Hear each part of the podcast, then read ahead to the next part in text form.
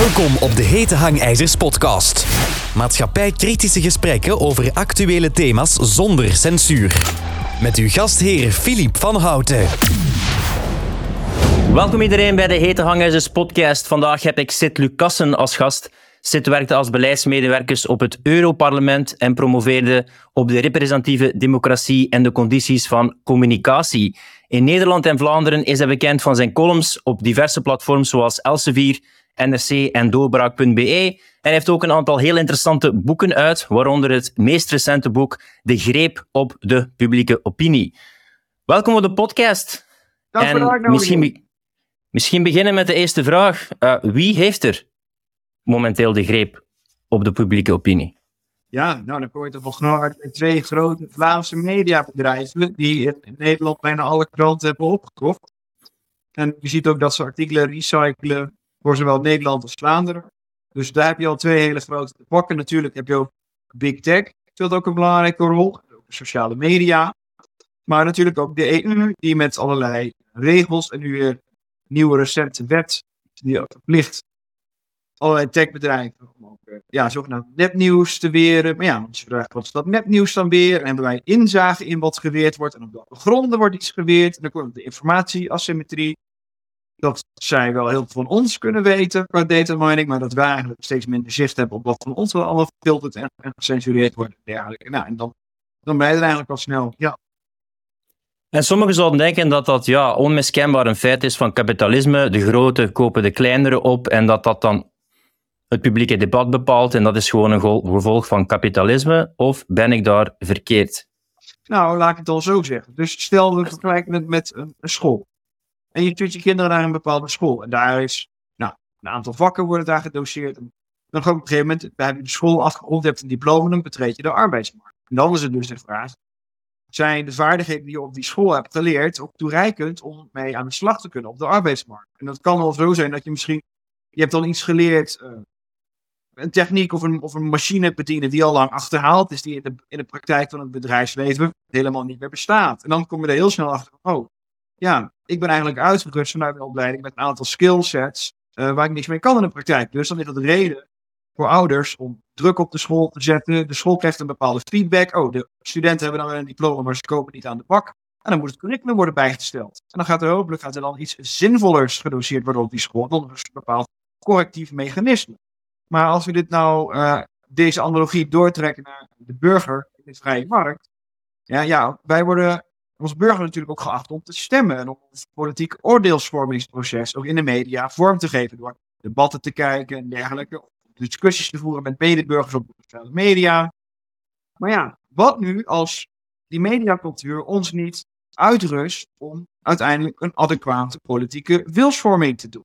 Hoe komen wij erachter dat wij als burgers eigenlijk niet zijn toegerust door onze media om aan deze democratie te participeren?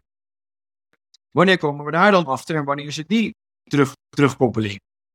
Dat wij in feite door onze media-instituties helemaal niet worden uitgerust om een verstandig politiek oordeel te kunnen vormen. Wanneer komt die feedback ooit tot ons?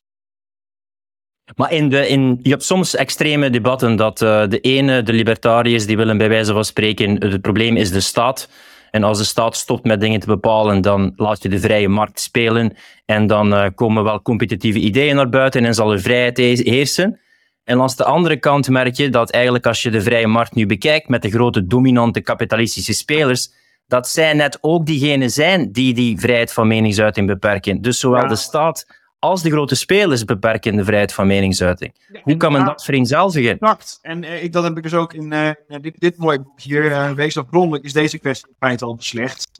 Want we zijn dat een soort, hadden natuurlijk vroeger eh, een beetje Reagan en Thatcher van, oh ja, de vrije markt eh, versus de vakbonden. Hè? Een beetje dat verhaal, een beetje, een beetje de middenklasse en het ondernemerschap versus het, dus collectiviseren van allerlei sociale diensten. Nou, die discussie hebben we eigenlijk lang achter ons gelaten. En de uitkomst daarvan is een synthese waarbij we dus eh, multinationals hebben, maar ook dat de overheid een hele grote rol in de economie heeft. Dus 50% van de staatsuitgaven is, eh, ja, 50% van het bruto nationaal product is staatsuitgaven. Ja, we hebben, wat, wat, wat, praat er al eigenlijk over? Dat ligt allemaal al achter ons. Er is een soort synthese waar je een paar woke multinationals heb je dan over. Die mogen superveel winst maken door aan allerlei internationale brievenbusfirma's, regelingetjes, kunnen ze zichzelf op die manier positioneren dat ze overal eh, fiscale voordelen uit kunnen trekken. Nou, en dan heb je dan zogenaamd al een vrije markt. Maar ja, wat is die vrije markt dan als de helft van de, van de voor de overheid werkt, direct of indirect?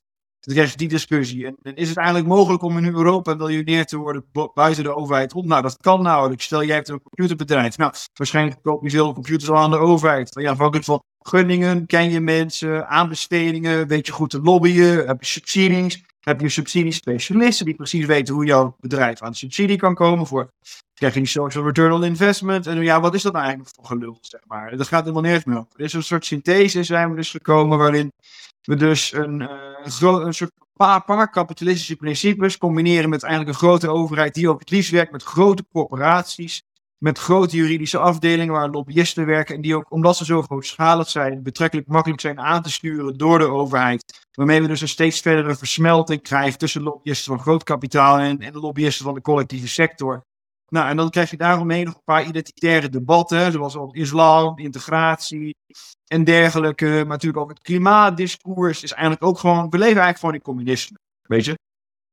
Maar die vraag, die vraag die ik daarover dan heb is van, ja, moest je nu denken van daar is winstbejag mee te maken, dan zou je denken van waarom doe ik zo beslissingen met bijvoorbeeld uh, woke cultuur, woke films, zij maken geen winst. Dus is het ook niet voor een stuk in plaats van de greep op de publieke opinie, de greep op de publieke perceptie en dat die mensen lange termijn denken en op die manier echt de perceptie willen beïnvloeden en dan daaruit winst halen? Want sommige woke beslissingen hebben, als men het bekijkt in de portemonnee, leveren niet meer geld op. Ja, maar hier valt zoveel over te zeggen. Laat ik eerst even verder gaan waar ik net was. Dus dus je hebt dan dus die, die synthese tussen het groot kapitaal en de collectieve sector. Ik ben er eigenlijk op uitgekomen.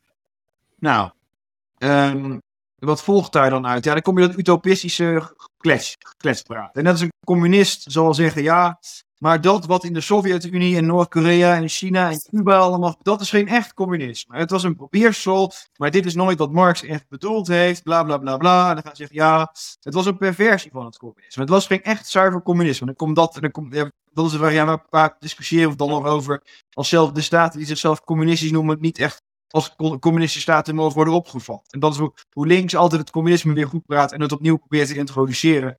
En aan de rechterkant heb je dan het libertarisme. Die zeggen, ja, maar we hebben geen echte vrije markt. We hebben geen echt vrij handelskapitalisme. Dus alle argumenten tegen het kapitalisme zijn eigenlijk argumenten tegen een soort crony capitalisme. Waarbij een soort corporatieve, oh, oh dat allemaal. Dan zit je ook weer tegen een utopie te argumenteren, zeg maar. Weet je, dus, dat, dus daar kom je gewoon echt niet verder mee. Dat soort discussies. Je moet gewoon kijken naar de realiteit zoals die is. En uh, nou, dan kom je, we leven dus al in de realiteit zoals die is, leven we al in communisme. Maar eerst nog even uh, over dat woke. Ja, klopt, woke maken over het algemeen niet veel winst. Maar tegelijkertijd conditioneren ze het volk wel om woke ook leuk te gaan vinden, zeg maar, weet je.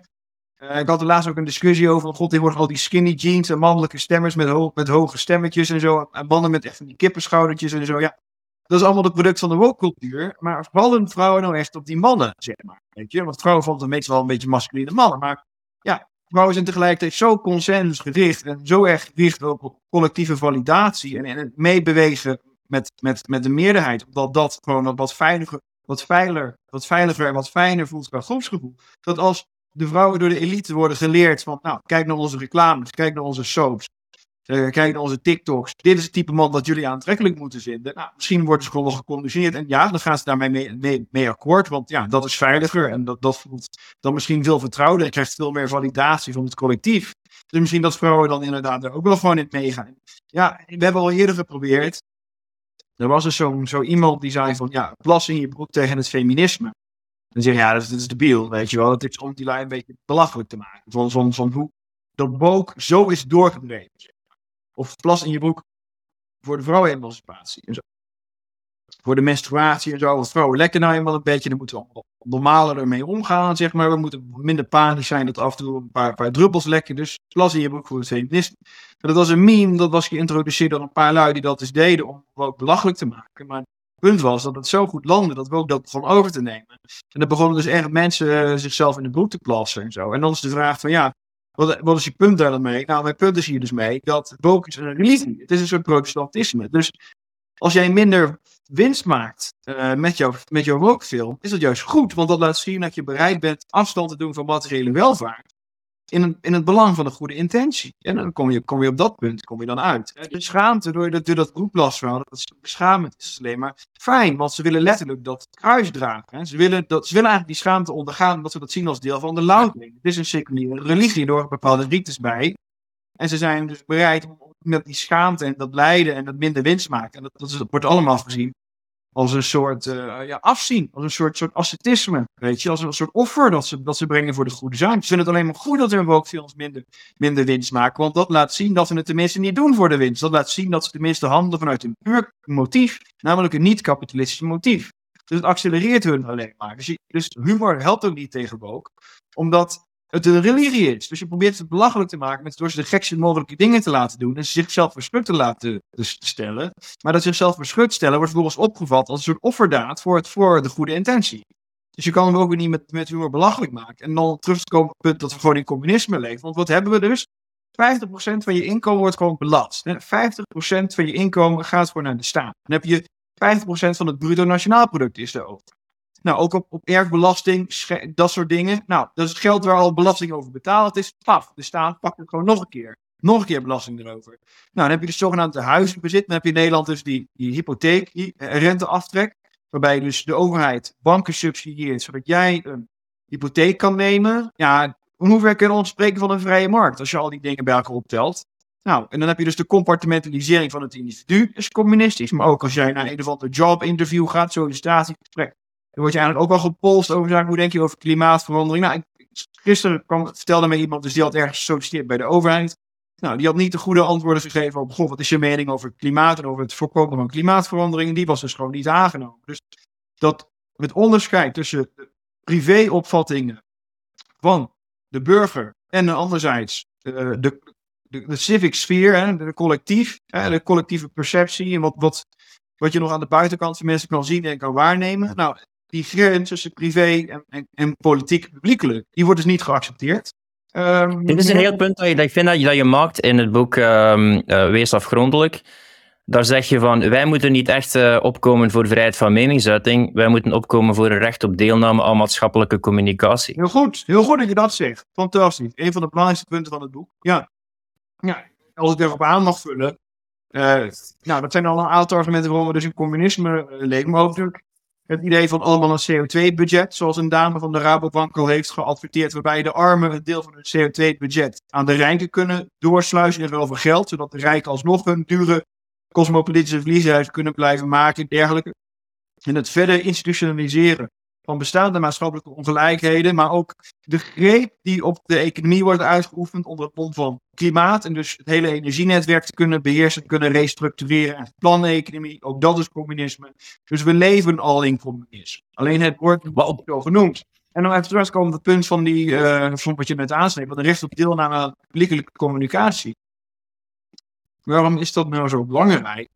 Kijk, ik kan, jou, ik kan zeggen, ik claim vrijheid van meningsuiting. Dus ik mag, weet ik wat, een kritische post posten over Frans Timmermans, Ursula von der Leyen, Xi Jinping, ja, you name it. En je post het op je sociale media. Nou, wie krijgt het te zien? Jezelf, je vader, je moeder, je broertje en misschien een keer je tante. En that's it. Dan hebben vijf mensen het bekeken, maar je mocht het posten. Het is niet, af, het is niet afgehaald. Ja, heb jij dan enig zicht in wie dat in zijn feed krijgt en wie daar dan een melding van krijgt en wie dat daadwerkelijk onder ogen krijgt, heb je geen enkele inzage. Kijk, ja, ook een recht op zichtbaarheid. Ik bedoel, wat doet je mening ertoe als niemand het ziet en je bent niet zichtbaar en niet hoorbaar? En dat zit achter een algoritme af, afgezonderd. En dat zit achter het, het, het bedrijfsvraag van een groot, ook van een groot bedrijf.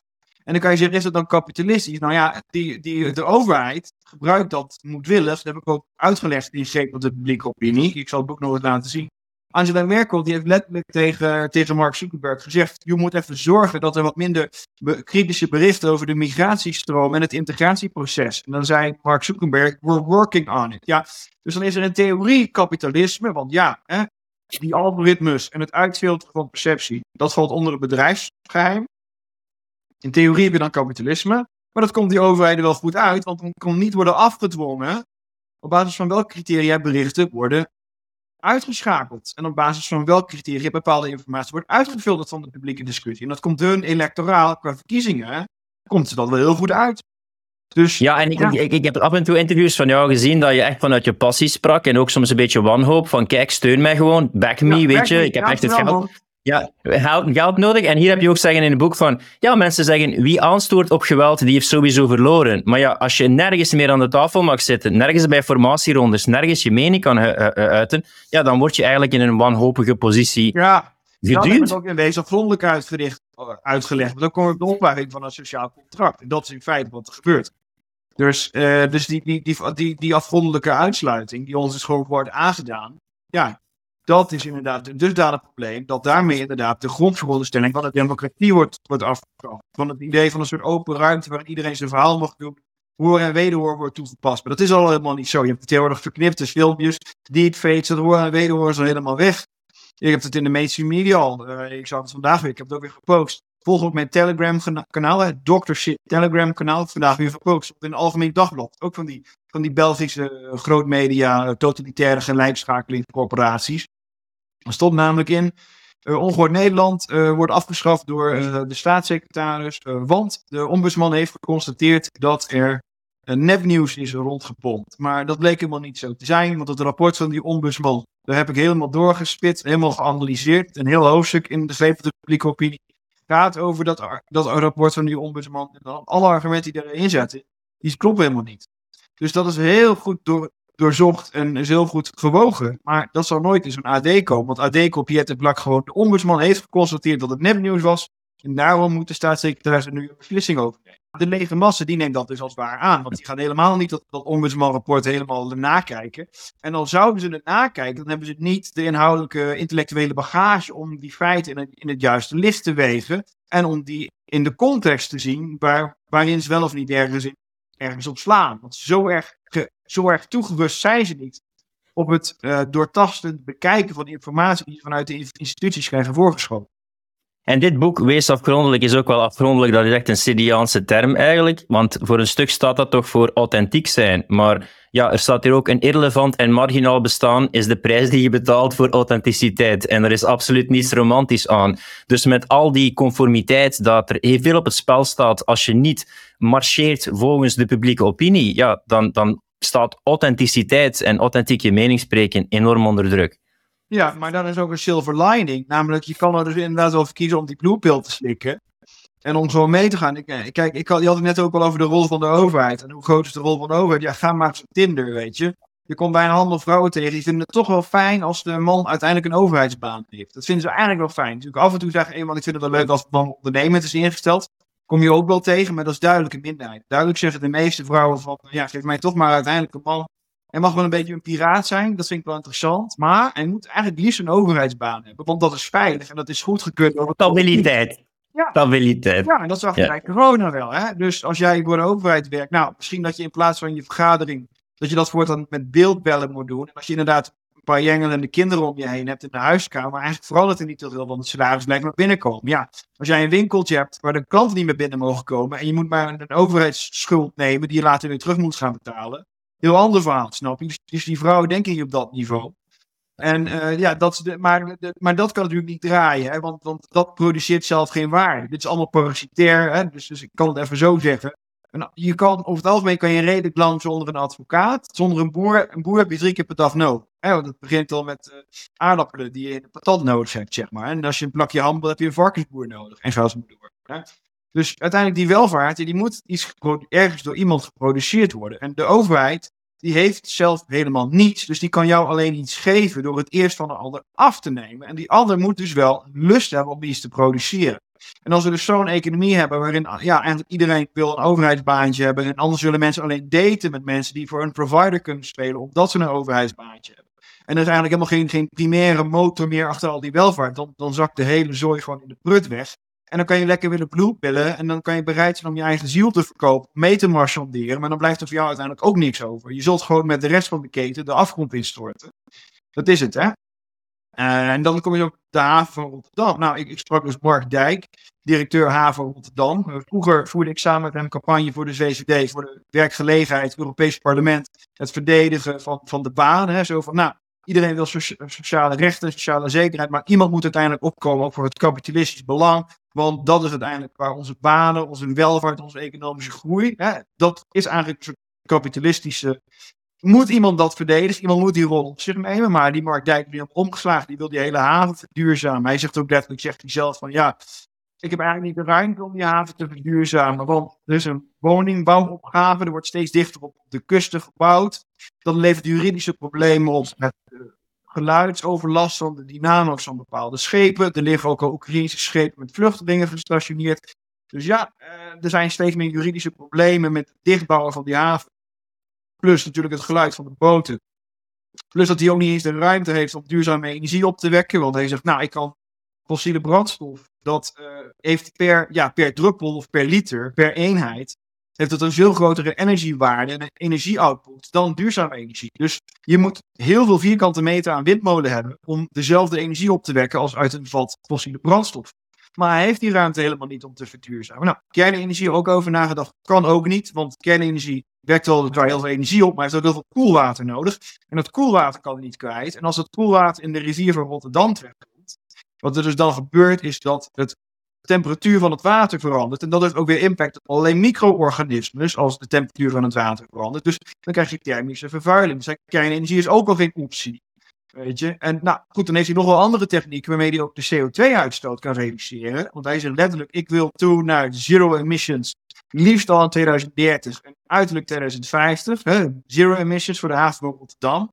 Maar ja, de techniek die hij heeft om CO2 te verlagen, daardoor neemt de stikstofdepositie weer toe. Dus hij kan die technieken gebruiken, maar die stoten stikstof uit. Dus hij mag ze niet gebruiken. En ze zitten in alle kanten zit hij vast, hij heeft geen ruimte, hij heeft geen energiebronnen. Um, hij, hij, is gerestrikt in de hoeveelheid technieken die hij kan gebruiken. Ik dacht, ja, maar Mark, als ik jou nou zo wil praten. Hè, en tien jaar geleden zat je nog voor de VVD, voor het kapitalisme, voor de werkgelegenheid en zo, dat je nog campagne te voeren. Voor de economische groei. En nu ik jou hier dit allemaal hoor vertellen, moet je dan niet gewoon zeggen, ja, sorry, maar de haven van Rotterdam is 30% van, en alles wat eraan vastzit, is 30% van de Nederlandse economie. Nou, alles in Europa, iedereen, elke Mongool die iets bestelt bij Alibaba, moet via de haven van Rotterdam uiteindelijk bij hem thuis uh, op de aanrecht te krijgen.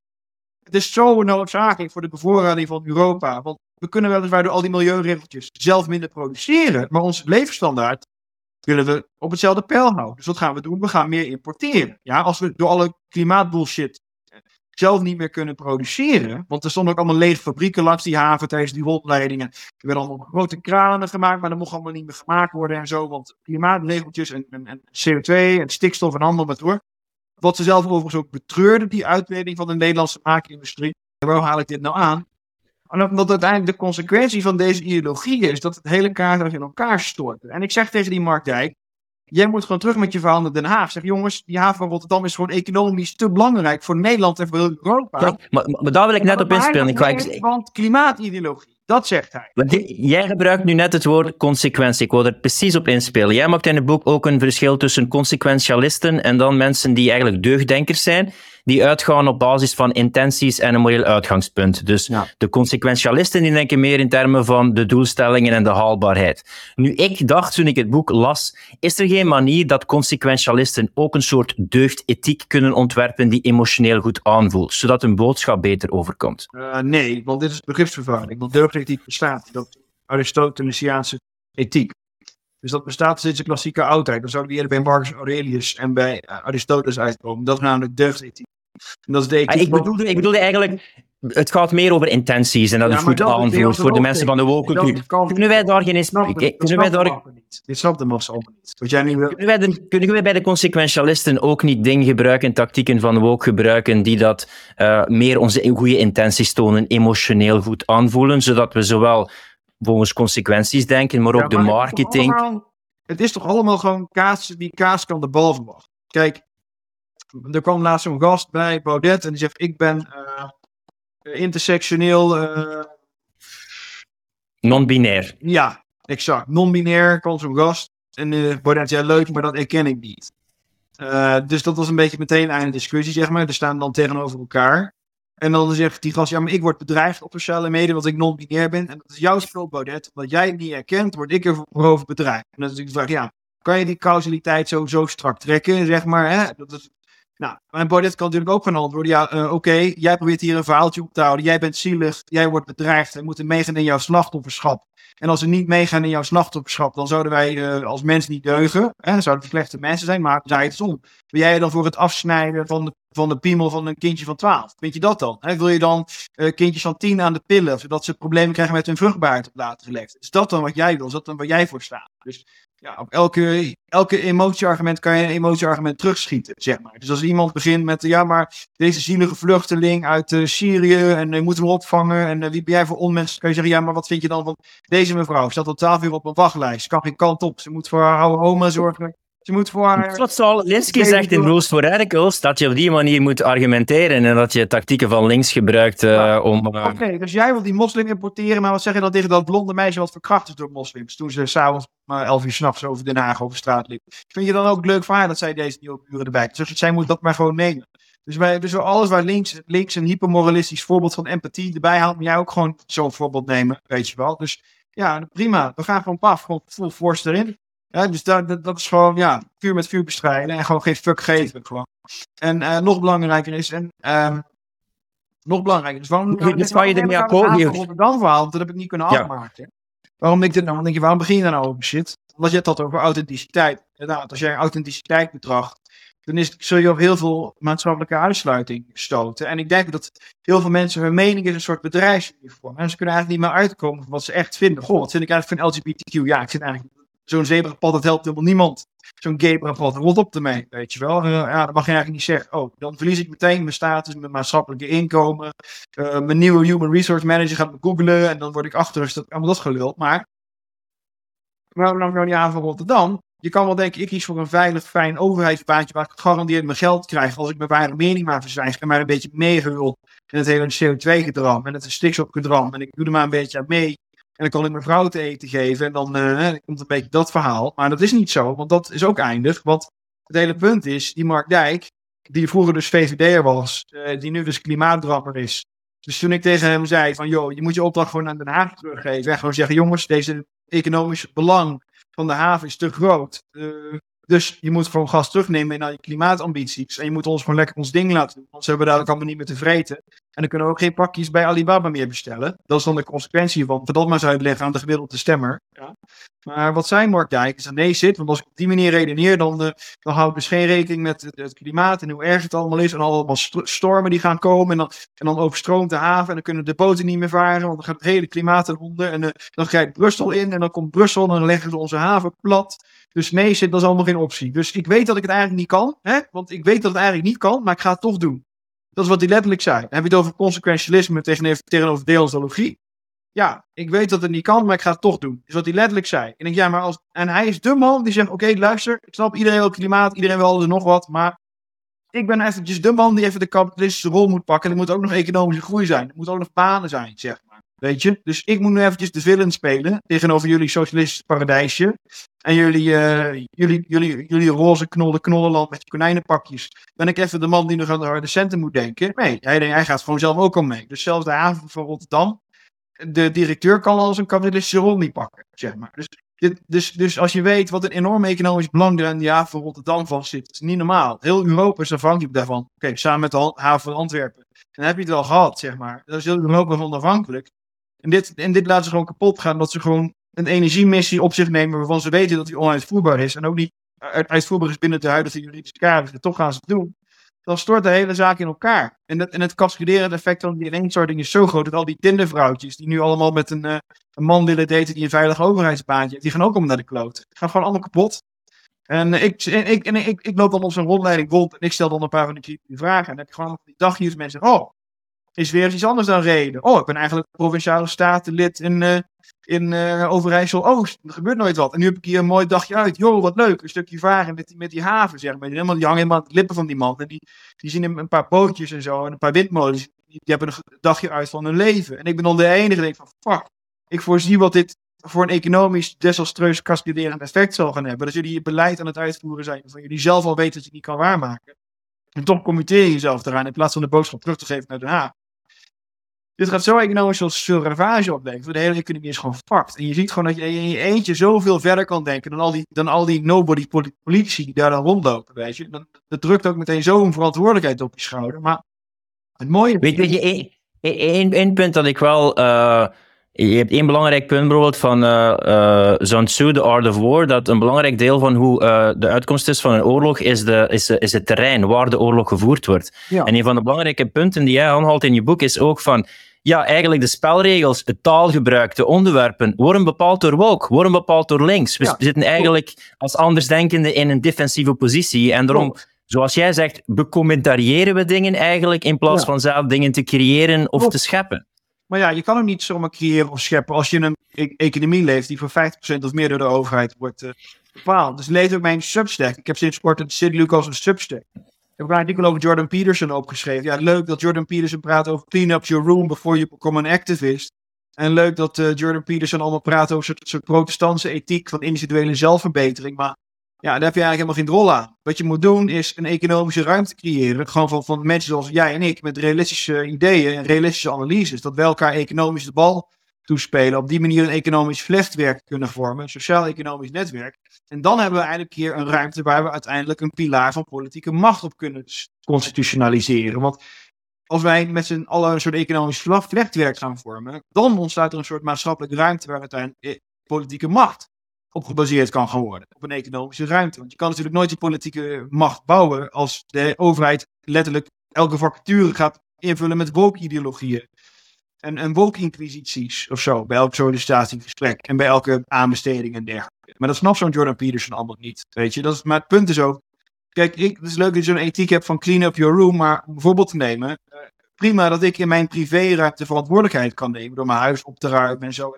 En allemaal dat soort burgerlijk net dingen te doen. Maar het idee van clean up your room is gebaseerd op ik richt me op mijn privéomstandigheid verbeteren en geluk nastreven in mijn privéleven. Als de publieke zaken ook publiekelijk geregeld kunnen worden door een overheid of door mijn stem te delegeren naar iemand die dan namens mij, die er meer tijd en meer verstand van heeft, de dossiers gaat bekijken en die dan ook ambtelijke vragen gaat stellen en gaat controleren om het politieke schip een beetje bij te sturen en dat het een efficiëntere taakverdeling is dat zelf ga doen. Als mijn eigen leven hectisch is. Maar dat hele, de hele dualiteit, het hele onderscheid, wat ik zojuist omschreven heb, dat valt eigenlijk helemaal weg. Want toen bijvoorbeeld Pepijn van Houweling, Kamerlid in Nederland, Kamervragen stelde uh, aan uh, het ministerie van Gezondheid over, goh, hoe zit het eigenlijk met de inentingsgraden en de besmettingsgraden onder het verplegend personeel? werd hem eerst gezegd, ja tuurlijk hebben de grondwettelijk recht om die informatie te krijgen, om die vragen te stellen. Maar vervolgens werd er gewoon even door een commissietje gezegd, nee, u krijgt die informatie niet. Waarmee daadwerkelijk het grondwettelijk recht van een Kamerlid op informatie werd geschonden. Nou, op dat moment is eigenlijk geen hoogste autoriteit waar je dan je gelijk kan halen. Want als de, als de Kamerleden al niet meer een grondwettelijk recht op informatie krijgen, ja, als dat niet meer gehonoreerd wordt, het grondwettelijk recht van Kamerleden op informatie, dan valt die hele dis distinctie tussen jij die uh, eerst maar eens je kamertje moet opruimen en dan de grote politiek aan de grote mensenwereld overlaat, zodat de maatschappelijke schip des staats stabiel blijft varen, valt dan weg. Want hoe kan ik nou in godsnaam uh, mijn stem delegeren aan de politieke orde, als die politieke orde bijvoorbeeld niet eens uh, zichzelf kan uitoefenen, omdat Kamerleden gewoon informatie niet meer krijgen. Zeg maar. Dus dan moet ik wel uit die fucking bommelige kamer komen en spullen in de fik gaan steken buiten op straat. Dan moet ik wel uit de Kamer komen en het kapitaal, kapitool gaan bestormen. Want dat mechanisme waarin ik mijn soevereiniteit kan delegeren, opdat het in de publiekelijke ruimte, eh, dat het daar wordt waargemaakt, ja, dat wordt dus niet meer waargemaakt. Dat is inmiddels gecorrumpeerd en verloren, snap je? Dus dan heeft dat hele Jordan Peterson betoog ook geen enkel verhaal. Dus Jordan Peterson kan veel beter zeggen, jongens, het stijgt voor revolutie. Dat zou hij eigenlijk moeten zeggen. Maar goed, ik heb natuurlijk heel veel geld en heel veel invloed, dus dat doet hij niet. Maar dat zou hij eigenlijk moeten zeggen. Ik heb ook uh, lezingen gegeven over cultureel marxisme in uh, België. En uh, ja, je weet ook de mars door instituties, dat zij meer gezien hebben van, zoals jij het zegt, niet een bewegingsoorlog fysiek, maar een stellingenoorlog met een mars door de instituties. Maar die instituties, als je die nu bekijkt, die zijn zo verrot ja. dat we eigenlijk veel bezig zijn met een afzetten tegen in plaats van een opzetten van. Ja, is er eigenlijk nog... Op mijn nieuwe ja. boek, Huis van de Muze, wat dacht over leven en de, en de levensfilosofie. En ook uh, Joris Bouwmeester, hè, dan gaat het over uh, leven. Ja, waarom, zou, waarom is dat leven zo belangrijk? Ja, ik, kan wel boeken volstellen over scheppen, Dat is allemaal wel leuk, maar daar zul je toch weer die economische ruimte voor nodig hebben die je met elkaar moet creëren. Gewoon net Turken kopen bij Turken, Koerden kopen bij Koerden. Weet je, zo moeten wij realisten ook denken. Ja, zo moeten we het uiteindelijk doen. Ja, want wat valt er nou te scheppen in een economie waar 50% van de economie door de overheid wordt aangestuurd en de andere 50% wordt er indirect door aangestuurd met allemaal subtiele vraagjes en subtiele inferenties uit je gezichtsmimiek van wat je vindt van woke uh, over, over islam, klimaat en LGBTQ en dergelijke. Ja. Jij spreekt over postprogressieve progressivisme, een moeilijk woord, in plaats van conservatisme. Ja, postprogressivisme. Ja. Wat is het verschil daartussen en wat zijn de essentiële pijlers van postprogressivisme? Nou, kijk, dat komt een beetje op Ortega y Gasset. Hè? Daar heb ik het een beetje uit ontleend. En de, de opstand van de massa. Op een gegeven moment zegt Ortega y Gasset, je hebt dan allemaal... Nee, dat is een beetje de fascisten die willen eigenlijk een soort oude orde herstellen. Die eigenlijk al verloren is. Zeggen. Een soort oude, die oude aristocratische maatschappij. Maar dan op, een soort, op soort massa-activisme. Maar zegt hij, dat kan eigenlijk niet. Want de tijd van de liberale democratie is nu aangebroken. Je zult daar eerst doorheen moeten. En dan dient zich wel weer iets nieuws aan. Hij heeft het ook over valse morgenstonden. Heeft Ortega Gasset over, over valse morgenstonden.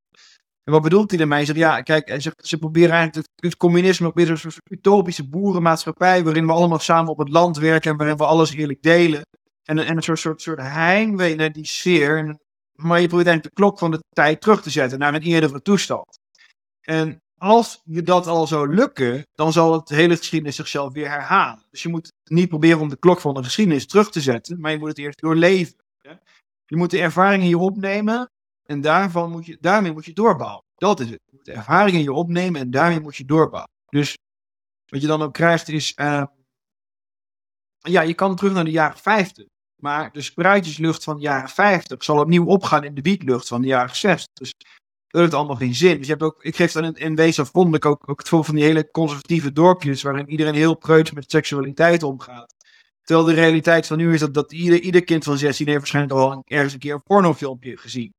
Uh, uh, maar dat wordt helemaal ontkend, zeg maar, die realiteit. Dus uh, ja, je moet gewoon ervaren dat we nu in een, een full-blown verval leven.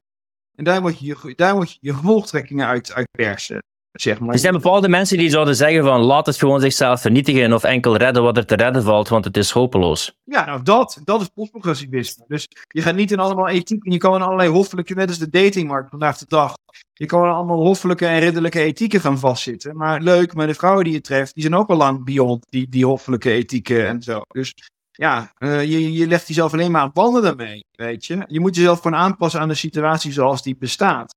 En uh, je behoudt je waarde natuurlijk wel. Je behoudt de diepste kern van je ziel behoud je wel. Je identiteit behoud je natuurlijk wel. Maar je moet wat pragmatischer omgaan met hoe de dingen zich ontwikkelen. En uh, ja, je moet ook, ja, inderdaad, gewoon af en toe ook wat profiteren van het systeem. Want de ander doet het ook, zeg maar. En als je dan, je weet dat, kijk, mijn vader was ook, om een voorbeeld te geven, mijn vader die was ook altijd, gewoon, iedereen moet gewoon werken voor zijn geld, zeg maar. Nou ja, op een gegeven moment door een van de, hij had een hernia, het bedrijf die ging, ging failliet en zo. Dan kwam hij op een gegeven moment ook in de situatie van, goh, moet ik ook naar het UWV? En ik van ja, ik doe het toch maar wel, want er zijn ook gewoon genoeg allochtonen die, allemaal, die nog geen, geen, geen dag in hun leven gewerkt hebben. En die pakken ook allemaal uitkeringen over op.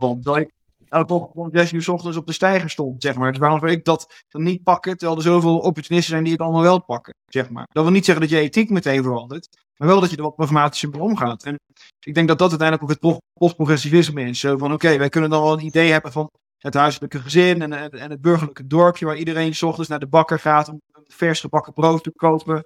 En dan de bakker persoonlijk goed is met je gezin. En dan mensen vriendelijk goed die ze op, op, op weg naartoe, dat ze tegenkomen. En dat dat een veel fijnere maatschappij is dan, dan al, je eet maar uh, via, via allemaal besteldiensten en supermarkten en zo. Ja, leuk. Maar waar we nu inmiddels in leven, uh, moet je af en toe toch ook wel pragmatisch aanpassen. Maar ook niet te veel. Je moet wel zoveel mogelijk cash blijven betalen. Niet van, oké, alles is nu hier pin-only, dus dan ga ik ook maar pin-only. Nee, hè? Ook niet die apps op je mobiele telefoon, mee alles. Nee, gewoon bankpasje blijven gebruiken en gewoon cash blijven gebruiken. Niet die apps, niet die social credit apps op je telefoon en zo. Dus ja, je moet er een beetje pragmatisch in zijn. Maar je moet dan ook wel vasthouden aan de kern van je identiteit. En dat is wat ik bedoel met, uh, met postprogressivisme. Het ironische is dat, dat je soms realisten hebt dat je denkt van oké, die denken vooral feitelijk, die gaan uit van de feiten. Maar de ironie is dat diegenen die vooral willen bepalen wat de feiten is en de factchecks bepalen, net uh, die, die wokers zijn en net die mensen aan de linkerkant zijn van die big tech bedrijven. Ja, daarom. Dus, dus dan hebben ze het over fact-checking, maar dan zijn zij degene die alle kwantitatieve data ontplooien, omdat zij de paadjes hebben van de factchecks of zo. Die zegt, ja, maar dit is een universitaire studie. Ja, en leuk, maar deze leerstoel wordt dus allemaal door linkse mensen bekleed, die weer andere linkse mensen inhuren, die voor hun linkse onderzoek aan het doen zijn. Van jouw belastinggeld. Ja, leuk, maar dan moet je gewoon je reet mee afvegen. Het gaat natuurlijk nergens over. Het zijn allemaal ideologisch gestuurde vragen en dus ook ideologisch gestuurde antwoorden. Dat noemen ze dan fact-checking. Ja, dat, is allemaal niks waard. Maar weet je wat het probleem ook is? Kijk, het is ook vaak, aan, ook zelfs aan de rechterkant, dat men in een soort feitjesfetitisme uh, blijft hangen. Uh, zo van, uh, ja, maar de feiten moeten boven tafel komen en er moet empirisch onderzoek. Oké, dus nog een onderzoek. Oh, kijk, deze deals heeft Ursula von der Leyen gemaakt met Pfizer. Oh, maar dit zat in de, in de vaccinatie. Oh, weer een wop, weer een boom. Ja, dat schiet allemaal niet op. We kunnen miljoenen van dat soort feitjes boven tafel brengen. Je moet juist denken in vergezichten, in grote lijnen. Hè? Een panorama moet je bieden, met een stip op de horizon. Echt, echt een glimmende zon die ons naar de einde longt, met, met, met broad strokes, hè? Vergezichten. Grote lijnen, grote ideeën. Zo moet je het aanvliegen, niet met al die kleine kutfeitjes. Uh, en waarom is dat belangrijk? Zelf op rechts wordt dan vaak gezegd van nou, richt je eerst maar eens op de feiten. En dan kun je misschien een keer in, in grote overkoepelende structuren gaan denken. Maar het punt is dat mensen juist zo vast blijven in van dag tot dag verontwaardiging over feitjes. En dan weer achter onder, onderzoeksjournalistiekjes aanrennen om weer een feitje te poppen en zo. Dat is überhaupt nooit toekomen aan die grote panoramische. Ja, en ook is, het, het gaat, zoals je ook aanhaalt, het gaat van absurditeit naar absurditeit. Als ik de ene dag een baby zie neergestoken worden, een andere dame uh, opgeblazen zie worden, dan ja. zie ik daar, ik zie elke dag een groter schandaal, een ergere conflict, ja. een fantastische misdaad. Ja, om een duur word ik apathisch. Ik, ik kan niet meer volgen, ik kan niet meer geëngageerd zijn in een bepaald onderwerp, want elke dag is wel iets absurd of vreselijk. Ja, dus precies wat ik tegen Jelle van Barnewijk zei. De meest logische reactie hierop is gewoon je middelvinger op te steken tegen de maatschappelijke orde. Hè? Oké, okay, dus we hebben zo'n slingertje wat voor ons hoog wordt houden. Vandaag is het Black Lives Matter, morgen is het Oekraïne ook, morgen is het klimaat, dan is het regenboogvlaggen. En dan is het weer Israël-Palestina. En maar dat wat ik nooit zeg, ben ik vast wel apenpokken om maar iets te noemen. Hebben ze ook wel even geprobeerd, zeg maar.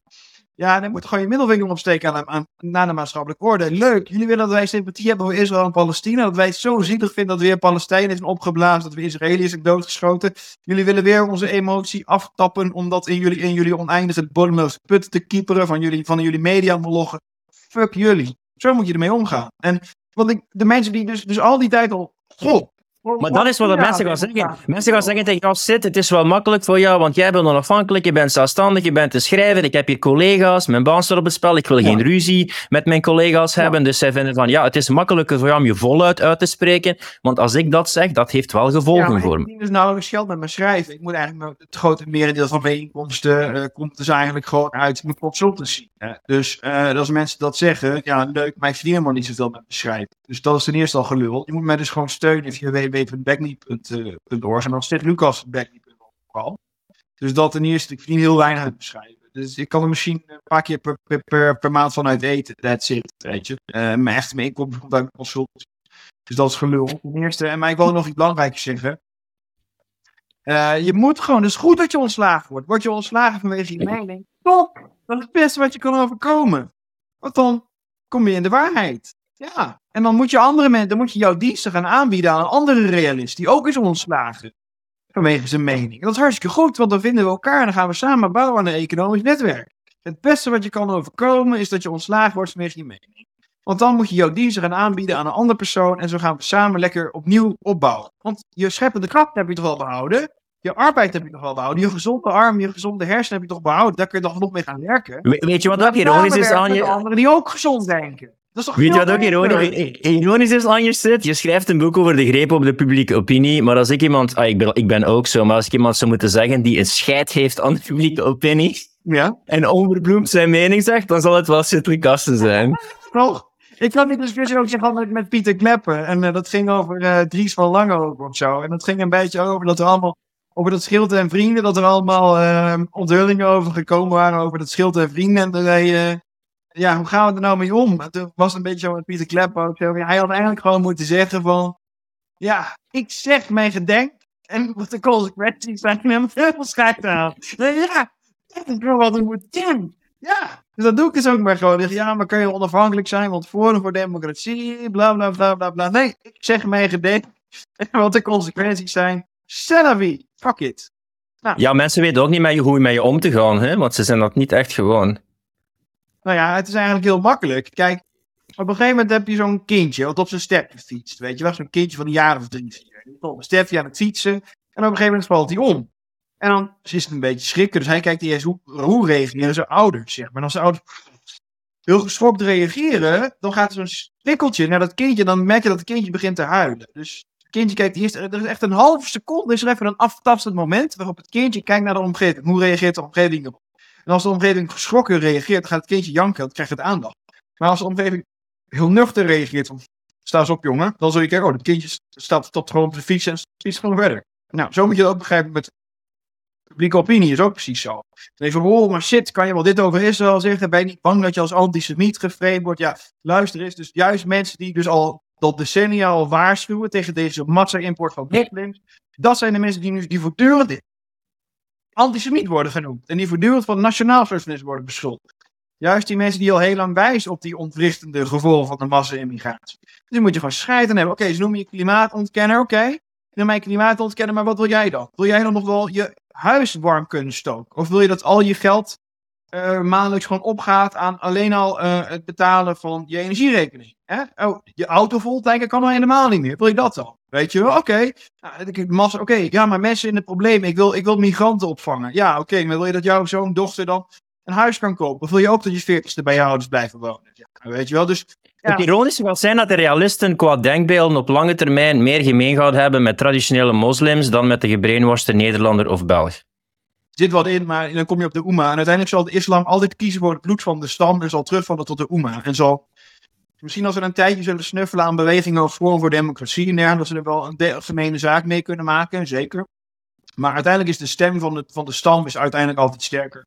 En ook een gematigde moslim die inderdaad een tijdje een beetje zo'n vrijbuiters, een beetje met, met blonde vrouwen omgaan, een beetje naar disco's gaan, af en toe een biertje drinken, af en toe naar, naar, drugsfeesten gaan. Een moslim mag wel een tijdje zo leven. Maar op een gegeven moment wordt er op het fluitje geblazen en wordt het toch wel even tijd voor die moslim om gewoon weer naar de, naar madrasa te komen en de Koranscholen te gaan lezen en zo. En dan zal die moslim weer fulltime Turk worden of fulltime Marokkaan worden. Ook inderdaad meteen even een bruidje laten komen uit... Uh, ja, uit, uh, uit Andalusië of zo. Of, wat was het ook alweer? Uh, dan komt er iemand uit Antalya of zo, komt dan ingevlogen en dan wordt ze weer fulltime moslim. Zo zie je dat wel vaker in de islamitische cultuur.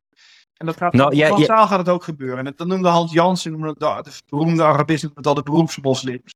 Dus binnen de islam is altijd een soort buitenschil van wat meer libertarische gedoe. Maar als je bij het faaltje komt, dan wordt toch weer op het fluitje geblazen. En iedereen weer een traditionele moslim worden. Want dat is hoe het was in de tijd van Mohammed. Dat is voor eeuwig de richtlijn hoe het zal moeten in de islam. Ja, dat komt. Dat was in de islam zo, maar jij bent ook, je hebt ook Oswald Spermiller gelezen. En ondergang van, de, on, de onontkombare ondergang van het Westen. Jij als realist, zie jij een uh, onvermijdelijke ondergang en val van het Westen? Ja, maar dan moet je natuurlijk niet zo absoluut zien. Hè? Want Oswald Spengler kon natuurlijk niet voor. Hij had het over inderdaad pausische geest.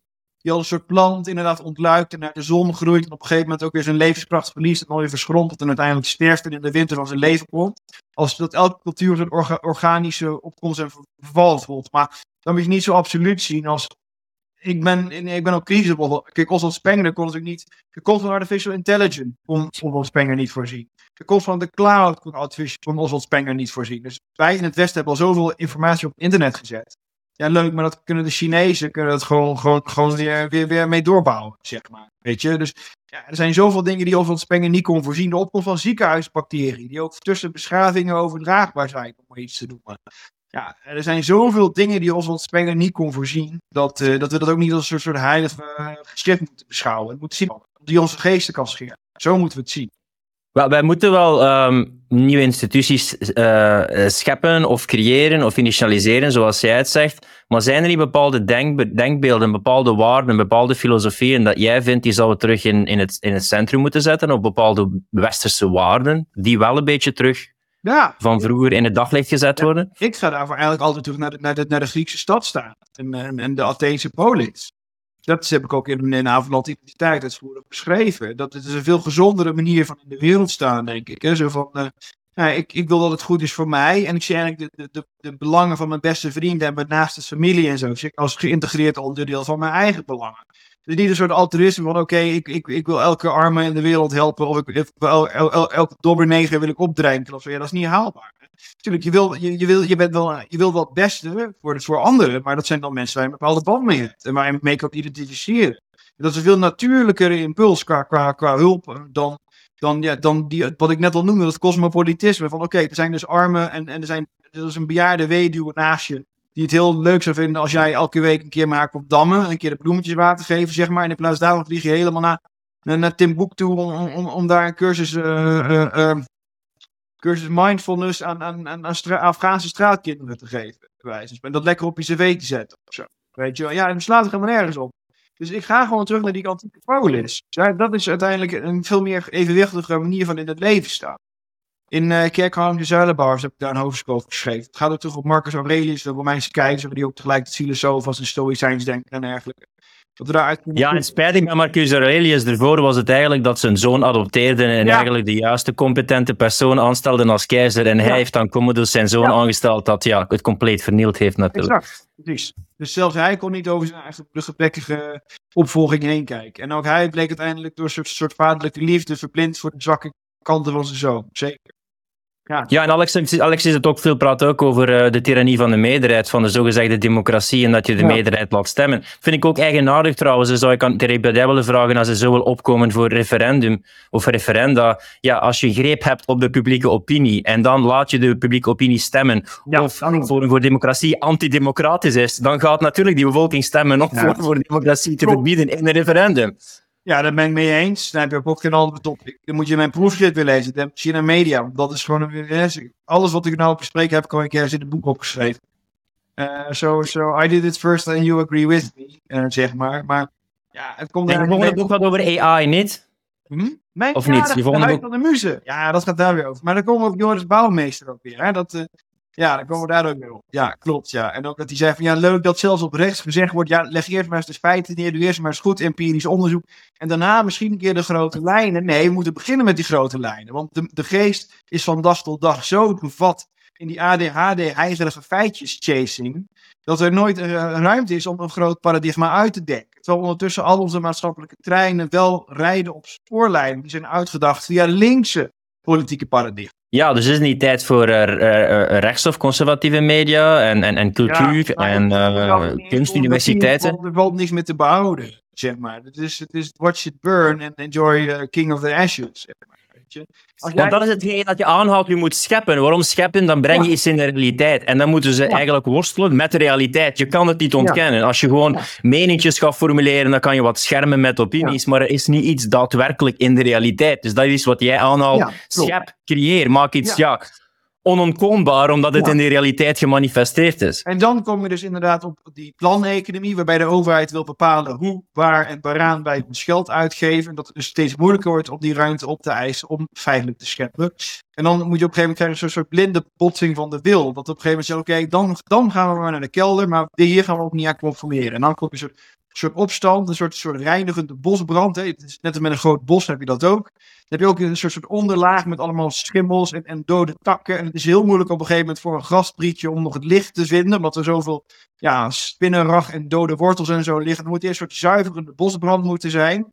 Zodat, zodat in, het, in het vruchtbare as dat er weer nieuw zaad kan ontkiemen. En dat is een beetje de, de fase die onze beschaving nu bereikt heeft. Zonder wil tot scheppen hebben, maar ja, als ik zie dat er zoveel bureaucratie is en, en, en dat er zoveel red tape is en, en dat er zoveel. Uh, wil je, oh, je wordt iets gesubsidieerd krijgen? Oh, wow, oké. Okay. Oh, ja, ik kan wel scheppen in het zandkasteel, maar als de stroomlijnen en de zee van de staat steeds overspoelt, ja. dan kan je zoveel zandkastelen bouwen en er ja. zal weinig stand overblijven. Ja, exact. Dan moet je dus eerst die, die reinigende bosbrand hebben. Dan kan je weer from the ashes iets, iets, iets proberen te, te grondvesten. Ja, klopt. Ja, je haalt wel goede punten aan ook van ja, ja, we zetten ons eigenlijk af tegen het nieuws, maar voor een stuk kan je zelf de waarde geven aan het nieuws dat je wil creëren. Maar het is niet makkelijk momenteel met die constante overspoeling via sociale media, via ja. het nieuws. Je bent constant aan het reageren en ja. eigenlijk ja, het, het, nieuws wordt bepaald door hetgene dat jij dan als nieuws ziet of een nieuwswaarde ja. toekent. Nou, nou, nou, dan kom je dus weer op die, op die Joris Bouwmeester, levensfilosofie. Want als schepper gewoon niet kan, omdat je gewoon geen toegang hebt tot het productiekapitaal. Eigenlijk is het gewoon een oldschool marxistisch vraagstuk. Daar heeft uh, Joost Niemuller ook het een en ander over geschreven in zijn nawoord. Ik kan ook zeker aanraden om dit boek alleen al te kopen voor een nawoord van Joost Niemuller. Hij heeft inderdaad een kritische reflectie op het marxisme. En dat gaat eigenlijk om wie heeft nou eigenlijk de macht over het productiekapitaal. En als jij wil scheppen, dan zul je toch productiekapitaal moeten hebben. En ik kan ook, oké, ik kan ook via de private. Kijk, als ik wil fondsen werven, dan moet het allemaal voldoen aan refugees welkom en LGBTQ-vlaggen. Oké, dat is geen optie, dus gaat via de private weg. Maar dan moet ik wel weer bereik hebben. Dus ik heb algoritmes nodig om mogelijke lezers en mogelijke geïnteresseerden te bereiken. Nou ja, dus dat gaat via de kapitalisten, beheersen alweer de algoritmes. En beheersen dus eigenlijk mijn bereik. Dus eigenlijk, uh, wat voor een kapitalisme heb ik als ik de grote bestaande spelers nodig heb om mijn product überhaupt aan eventuele geïnteresseerden aan de bak te kunnen afzetten, zeg maar. Dus dan komen we terug wat ik in het begin zeg. Wat is dat kapitalisme dan nog? Als mijn concurrenten al bepalen wat de zichtbaarheid van mijn product, van mijn product gaat zijn, nog voordat ik het goed door de markt heb gezet. Dus dat is allemaal zo'n gelul, dat utopische kapitalisme. Dat is echt gelul. Uh, ja, dus dat. En dan kan je wel gaan scheppen. Maar ja, ja, dan kan je misschien beter leven. Dus als scheppen niet meer mogelijk is, leef. Dan is leven het hoogst haalbaar. Ik ben van nature een heel erg kaag geselecteerd individu. Die graag denkt in lange termijn doelen, uh, dingen opsparen, grote reserves aanleggen, grote strategische plannen maken, uh, op lange termijn grote verrichtingen, veel teweeg brengen. Uh, niet, niet, niet lichtzinnig ergens aan beginnen, maar echt door tassen te goed beslagen ten ijs komen. Dat is mijn eigen natuur. Maar ik ging in de coronatijd ging ik een beetje de balans opmaken, zeg maar. Wat ik dus zag, is dat de mensen die me gewoon ergens insprongen, die gewoon van dag tot dag leefden, dat het met die mensen allemaal vet goed ging. Dat het met echt de lange termijn denkers en zo, en de plannenmakers, dat het daar allemaal heel slecht mee ging. Want alle investeringen waren verklapt en uh, noem het maar op, met al de schulden. Terwijl, terwijl al die mensen, die, iemand krijgt de mogelijkheid om een, uh, om een badkamer, een winkel te beginnen. Ja, ik spring er maar gewoon in. Oké, iemand koopt crypto, paf, die crypto schiet in één keer omhoog. Zeg maar. Het is allemaal best wel, ja, mensen die gewoon van dag tot dag leven en van dag tot dag doen wat ze aantreffen.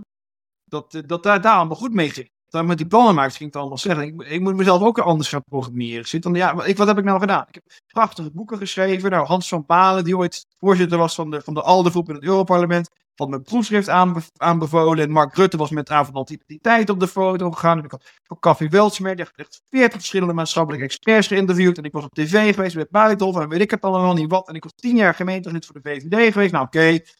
Uh, nog een paar jaar fractieassistent en acht jaar gemeenteraadslid, zeg maar. In totaal van tien jaar, tien jaar raadservaring en zo. En ik had van alles. En ik ja, what have I got to show for it, man? En dan ben ik ook nog eens een keer uh, een hoop... In de, rug in, de, in, de, in de rug gestoken blijkbaar door een aantal mensen dat ik me ja. herinner in een Café Welsmers interview, ja.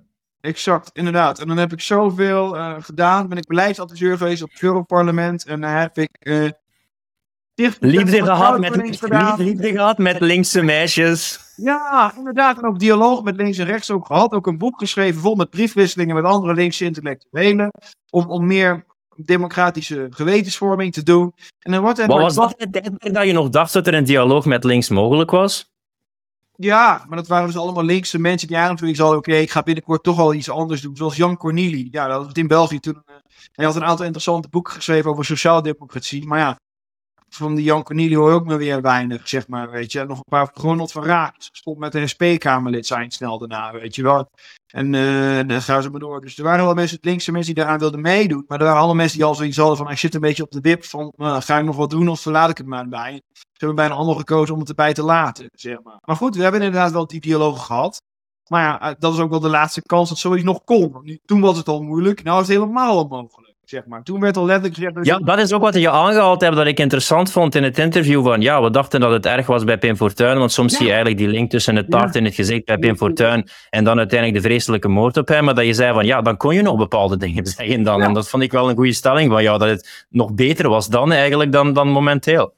Ja, ik wil iedereen wel aanraden om dat nog even te kijken. Dat zijn mijn interviews met de Jelle van Baardewijk bij uh, YouTube van uh, de, nieuwe, de Nieuwe Wereld. Dus als je als dit interview leuk vindt, dan moet je dat ook zeker kijken.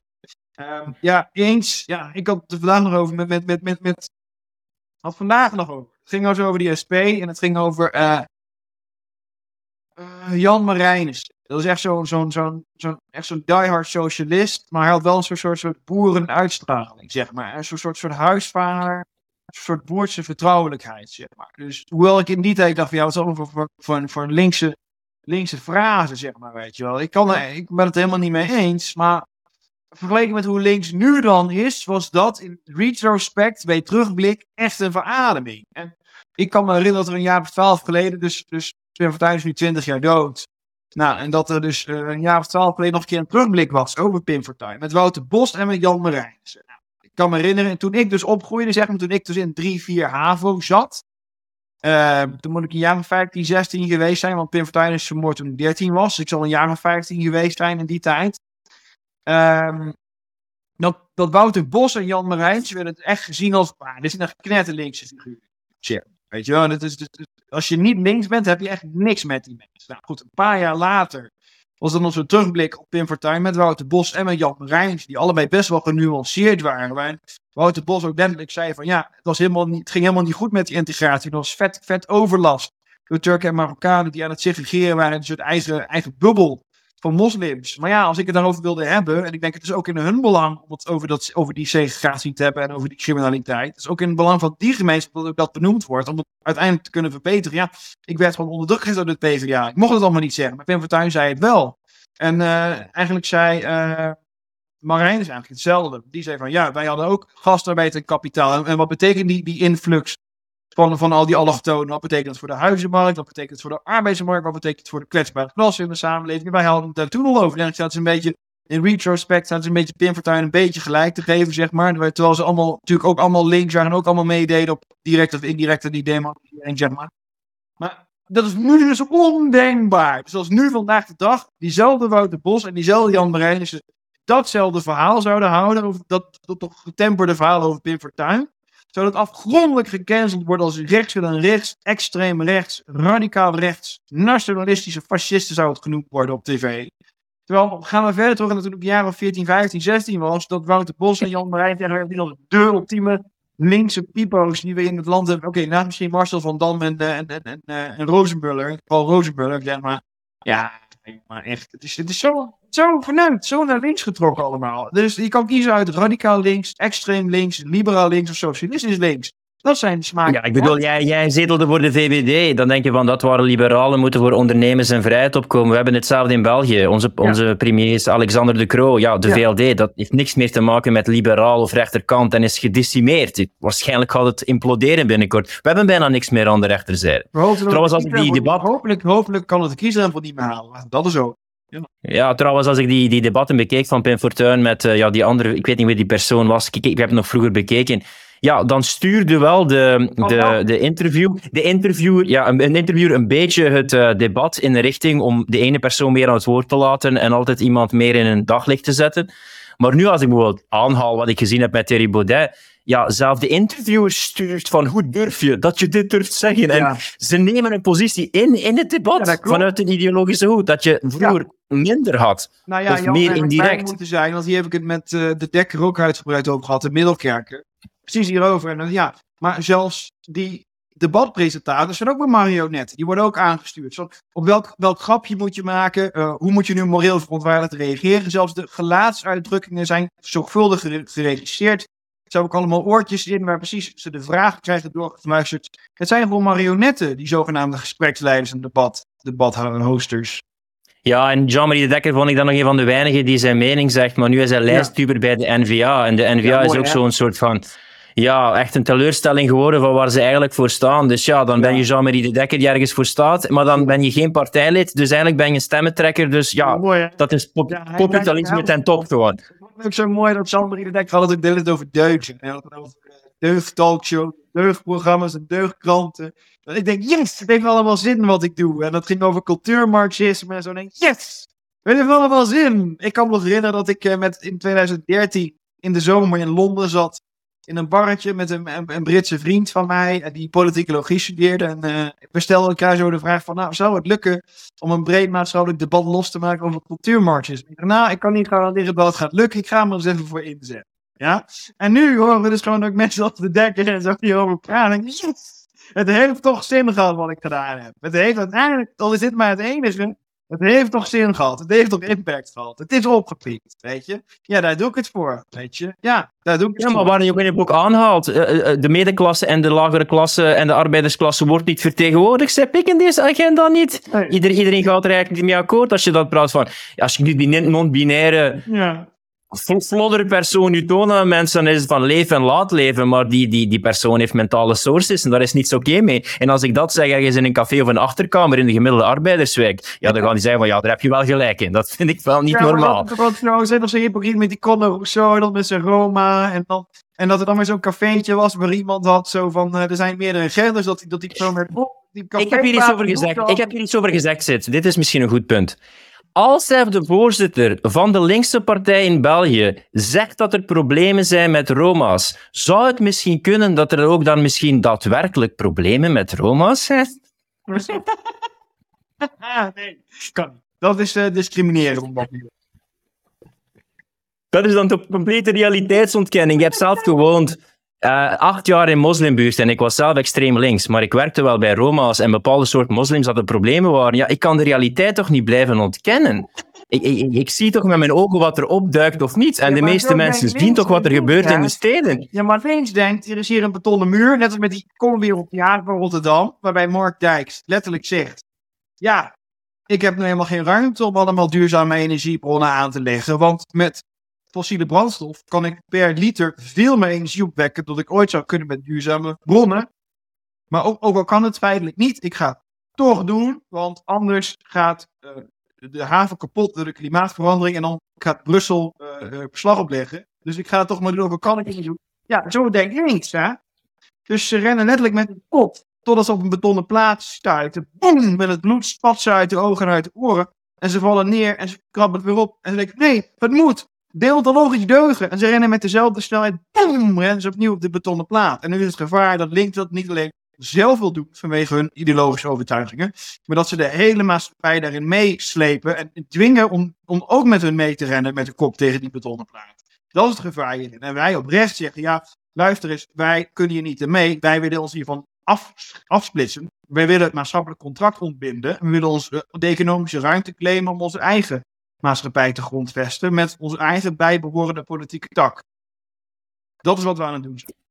Maakt allemaal niet zo uit, hoor, Zit. Je kan het ook doen zoals België, waar ik denk zeven of acht uh, federale politici uh, gewoon niet eens op de kieslijst stonden. Nou ja, en België is natuurlijk de beste jaren van België. zijn de jaren waarin er geen regering was. Ja, we hebben wel het record, hoop ik nog steeds, van zonder federale regering zijn, denk ik. En uh, dan ging het eigenlijk nog niet zo slecht. Als mensen meer willen weten over je schrijfsels, je Substack, uh, waar ze je boeken kunnen kopen uh, of je steunen, waar kunnen ze terecht? www.sitlucasopbackme.org. Dat helpt sowieso op het Telegram-kanaal. Dat helpt ook enorm. Ik heb ook een nieuwsbrief, maar ja, dat is een beetje lastig, want dat is maar de website www.sitlucassen.com. Kun je dat ook op mijn nieuwsbrief ook inschrijven. Uh, maar ja, dat zijn de belangrijkste. Ik heb ook een Substack. Ja, volg mij mensen, het wordt episch. En het wordt episch en een saga. En ik wens je heel veel uh, ja. muzes toe voor je komende boek ja, en je volgende schrijfsels over de muzen zit. Bedankt om mijn gast te zijn. Ben je een ondernemer en wens je een succesvolle podcast te creëren? Of wil je snellere resultaten via simpele systemen die je contentcreatie, productiviteit en verkoop verbeteren? Ga dan naar hetehangijzers.com/start en ontdek wat Philippe voor jou kan betekenen.